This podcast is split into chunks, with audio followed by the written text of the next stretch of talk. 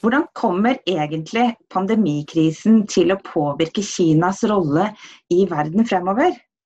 Det er spørsmålet vi skal prøve å få svar på i denne første episoden av Pandemipodden til Senter for utvikling og miljø, SUM, ved Universitetet i Oslo.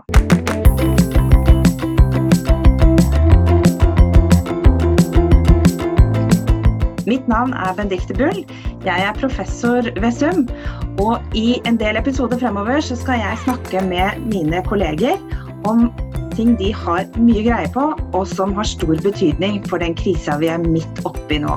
Vi sitter jo alle på våre hjemmekontor, så lyden blir av og til litt deretter. Først ut er Dan Banik. Han er professor ved SUM. Han har jobbet i mange år med fattigdom og utviklingsspørsmål, og i de senere årene særlig med Kina og ganske mye med Afrika. Og så driver han et online-kurs, What Works in Development. Så vi har et håp om at han kanskje også har et par, eh, par gode råd om hvordan menneskeheten skal takle denne store krisa. God morgen, Dan. God morgen, Benedikte. Hvordan går det i hjemmekontorkarantenen din?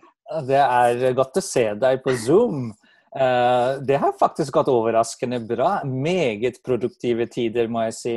Ja, Det er godt å høre at noen har det, i hvert fall.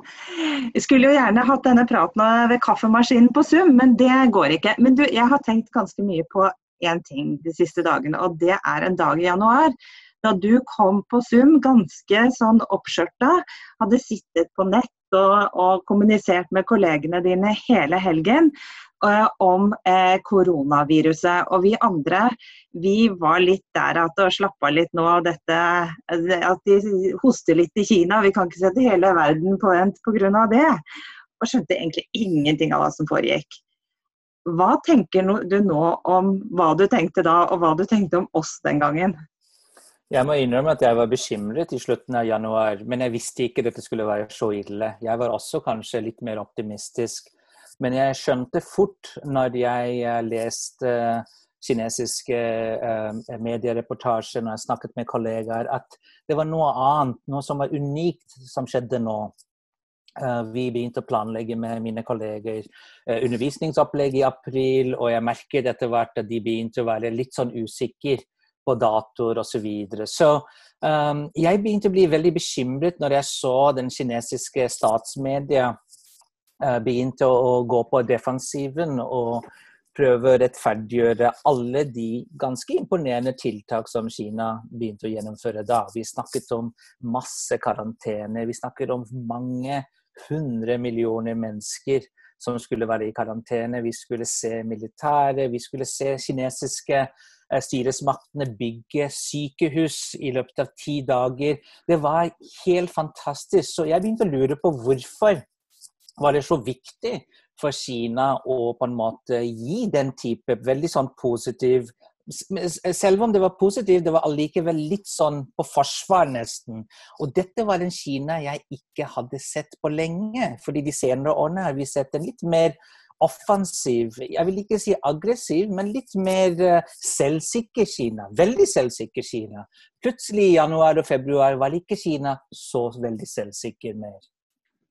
Men du følger jo mediene tett nå. Nå har du selvfølgelig ikke vært der siden dette utbruddet. Men eh, hvordan opplever du at, at stemningen har endret seg i kinesiske medier siden det brøt ut i januar?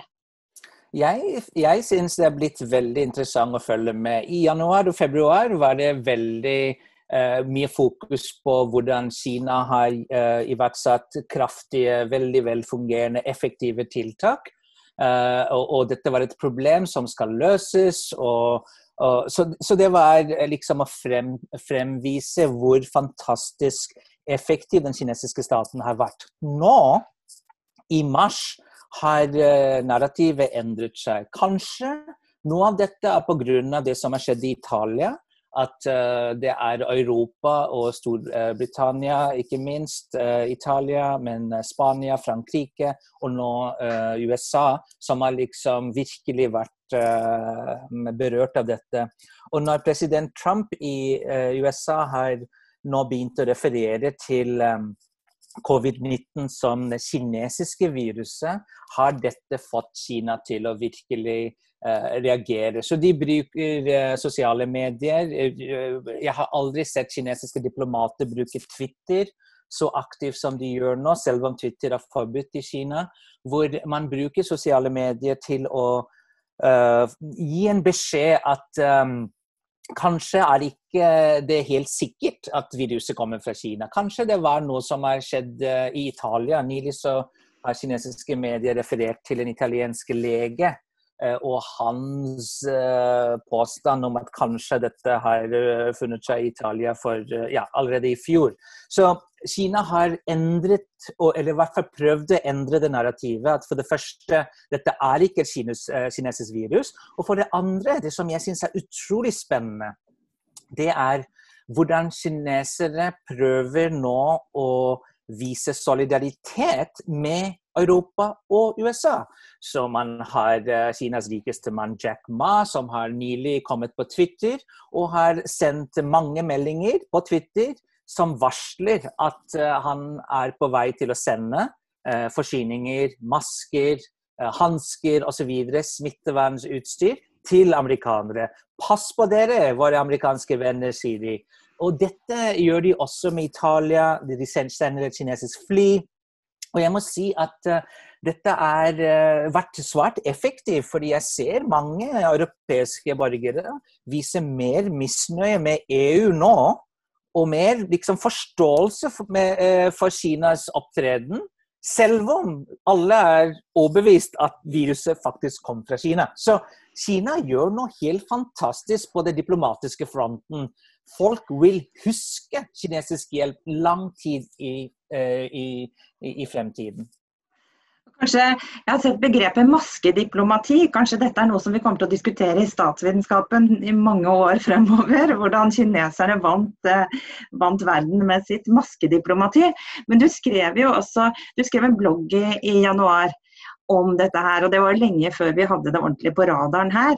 Og du skrev jo det at dette her er en sånn voldsom demonstrasjon av kinesisk statlig kapasitet. Men du var også ganske bekymret for hvordan dette kom til å bli brukt politisk. Eh, ser du det du bekymret deg for den gangen eh, i eh, utspillet seg akkurat nå? Jeg tror ikke det. Jeg føler ikke at den politiske miljøet har endret seg. Det var en liten stund uh, mange i Kina begynte å vise misnøye på uh, lokale sosiale mediekanaler. Uh, men på en eller annen måte så har den kinesiske staten kommet sterkere tilbake. Så du har presidenten som ble kritisert for å ikke vise seg i offentlige steder en stund. Han er tilbake. Um, det har vært en ekstremt sterk uh, forsøk, da, propaganda, for å uh, sørge for at det narrativet som det kinesiske folket hører, er at Kina har klart dette kjempebra. Og særlig nå i mars uh, så, så, så, er kinesere veldig klar over hvordan Europa for, for, og demokratier ikke er i stand til å kanskje takle slike katastrofer så bra som Eh, et autoritært land som Kina. Så jeg føler at uh, kinesiske politikere, kinesiske staten, har kommet sterkere ut av den krisen. Uh, men jeg ser ikke nødvendigvis noe endring i den måten staten har brukt dette til å f.eks. fengsle opposisjonelle eller noe annet. Det, det, har jeg ikke lest om. Men det, det jeg syns har vært spennende, og når du refererte til denne maskediplomati, det som er, er at de siste fem-seks årene har jo Kina lansert denne her Belt and Road Initiative, eh, som har eh, gitt en litt mer eh, selvsikker bilde av Kinas opptreden internasjonalt. Når det gjelder globalt styresett, har Kina beveget seg fra å, å, å ta imot normer og regler til å skape nye regler, eh, være med på å etablere nye verdens eh, globale institusjoner, utviklingsbanker. Så vi ser en veldig selvsikker Kina som har snakket om vinn-vinn i sine forhold til fattige land i Afrika, Latin-Amerika, Asia. De er veldig opptatt av å bygge infrastruktur. Så Eh, de hadde jobbet hardt da, siden 2013 for å gi det inntrykket av at Kina er et veldig bra og annerledes og bedre alternativ enn den amerikanske eller den europeiske modellen. Og så kom denne krisen som satt kinesere tilbake. Så vi, vi ser en fase hvor Kina prøver å erobre den type innflytelse de har hatt nylig. Det er jo veldig interessant, for En del av grunnen til at du var litt oppskjørta i januar, var jo at vi akkurat har fått et stort forskningsprosjekt hvor vi skal nettopp forske på kinesisk innflytelse på multilateralisme, demokrati og miljøstyring i Afrika og, og, Afrika. Og da øh, kommer vi jo til å reflektere over hvordan denne krisa på mange måter endret alt eh, i mange år fremover. Du har både på den ene siden at kanskje våre forbruksmønstre endrer seg, og det er ikke nødvendigvis til Kinas fordel, men at de har virkelig kommet på offensiven. Tror du det blir en varig endring, dette her, eller, eller, eller kan det bli en episode, og så er vi på en måte tilbake der vi var? Det som jeg syns er utrolig spennende å reflektere over, er i hvilken grad land i Afrika eller andre steder Og du og jeg har jo skrevet om statskapasitet og kinesisk Eh, aktiviteter, hvordan det påvirker statens kapasitet i, i både Asia og, og, nei, i Afrika og Latin-Amerika. Men, men, poenget her er at uh, mange i Afrika, som jeg kjenner ganske godt, reagerer nå på den type kinesiske dominansen. Så Kina har jo etablert seg i Afrika ganske grundig, og det er ikke noe nytt. De har vært der i 40 år. Eh, men i de senere årene så har det vært veldig klart. Ulike Afrobarometer, surveyer osv. data viser at den kinesiske modellen, eh, utviklingsmodellen er mer populær enn noen andre modell. Men nå så ser vi en reaksjon. I Kenya f.eks. så er det flere politikere som begynner å uttrykke misnøye med kinesiske forretningsmenn, kinesiske butikkeiere. Malawi, et land som jeg nettopp kommet hjem fra, Eh, der ser vi også bekymring rundt den type enorm kinesisk innflytelse. Det er ikke bare infrastrukturprosjekter, men kinesere er veldig aktive med å selge varer og tjenester. Så, så jeg eh, tror denne krisen vil føre til en, Kanskje folk vil tenke tre ganger nå. Det handler bare ikke om Huawei og 5G-teknologi og bekymringen om spionering osv. Det er noe mer. Folk skal kanskje være prøve, i hvert fall i visse deler av Afrika, å være kanskje mindre avhengig av Kina. Selv om det vil være veldig vanskelig å gjennomføre i praksis. Det er i hvert fall store, det kan ha enorme konsekvenser, dette her. Du er jo flink på å ta for deg de store spørsmålene i livet da, i, som du holder på å undervise om, og gi oss litt håp om at noe faktisk endres til det bedre. I What Works-kurset eh, ditt og, og mye annet du har gjort. Tror du at vi kan klare å takle dette her? Har vi liksom egentlig redskapene til å, å, å konfrontere det? Takk for en mulighet til å reklamere for dette kurset som skal lanseres i morgen på nytt. Eh, du vet, vi begynte jo, du, vi, vi, vi begynte jo dette kurset vi, vi tilbød Whatworks som Norges første Massive Open International kurs da, i 2015. Um, men siden vi er alle i denne krise og ganske deprimerte, så tenkte jeg det kunne være en idé å oppdatere kurset. Så vi har tatt opp noen nye videoer uh, osv. Vi lanserer dette i morgen. Men uh, ja, absolutt. Jeg tror vi kan ikke glemme at det er veldig mange ting som har faktisk fungert. Vi har utryddet fattigdom i store deler av verden. Særlig i, i, i Kina og India og mange steder Eh, I Øst-Asia eh, vekst har ført til fattigdomsreduksjon.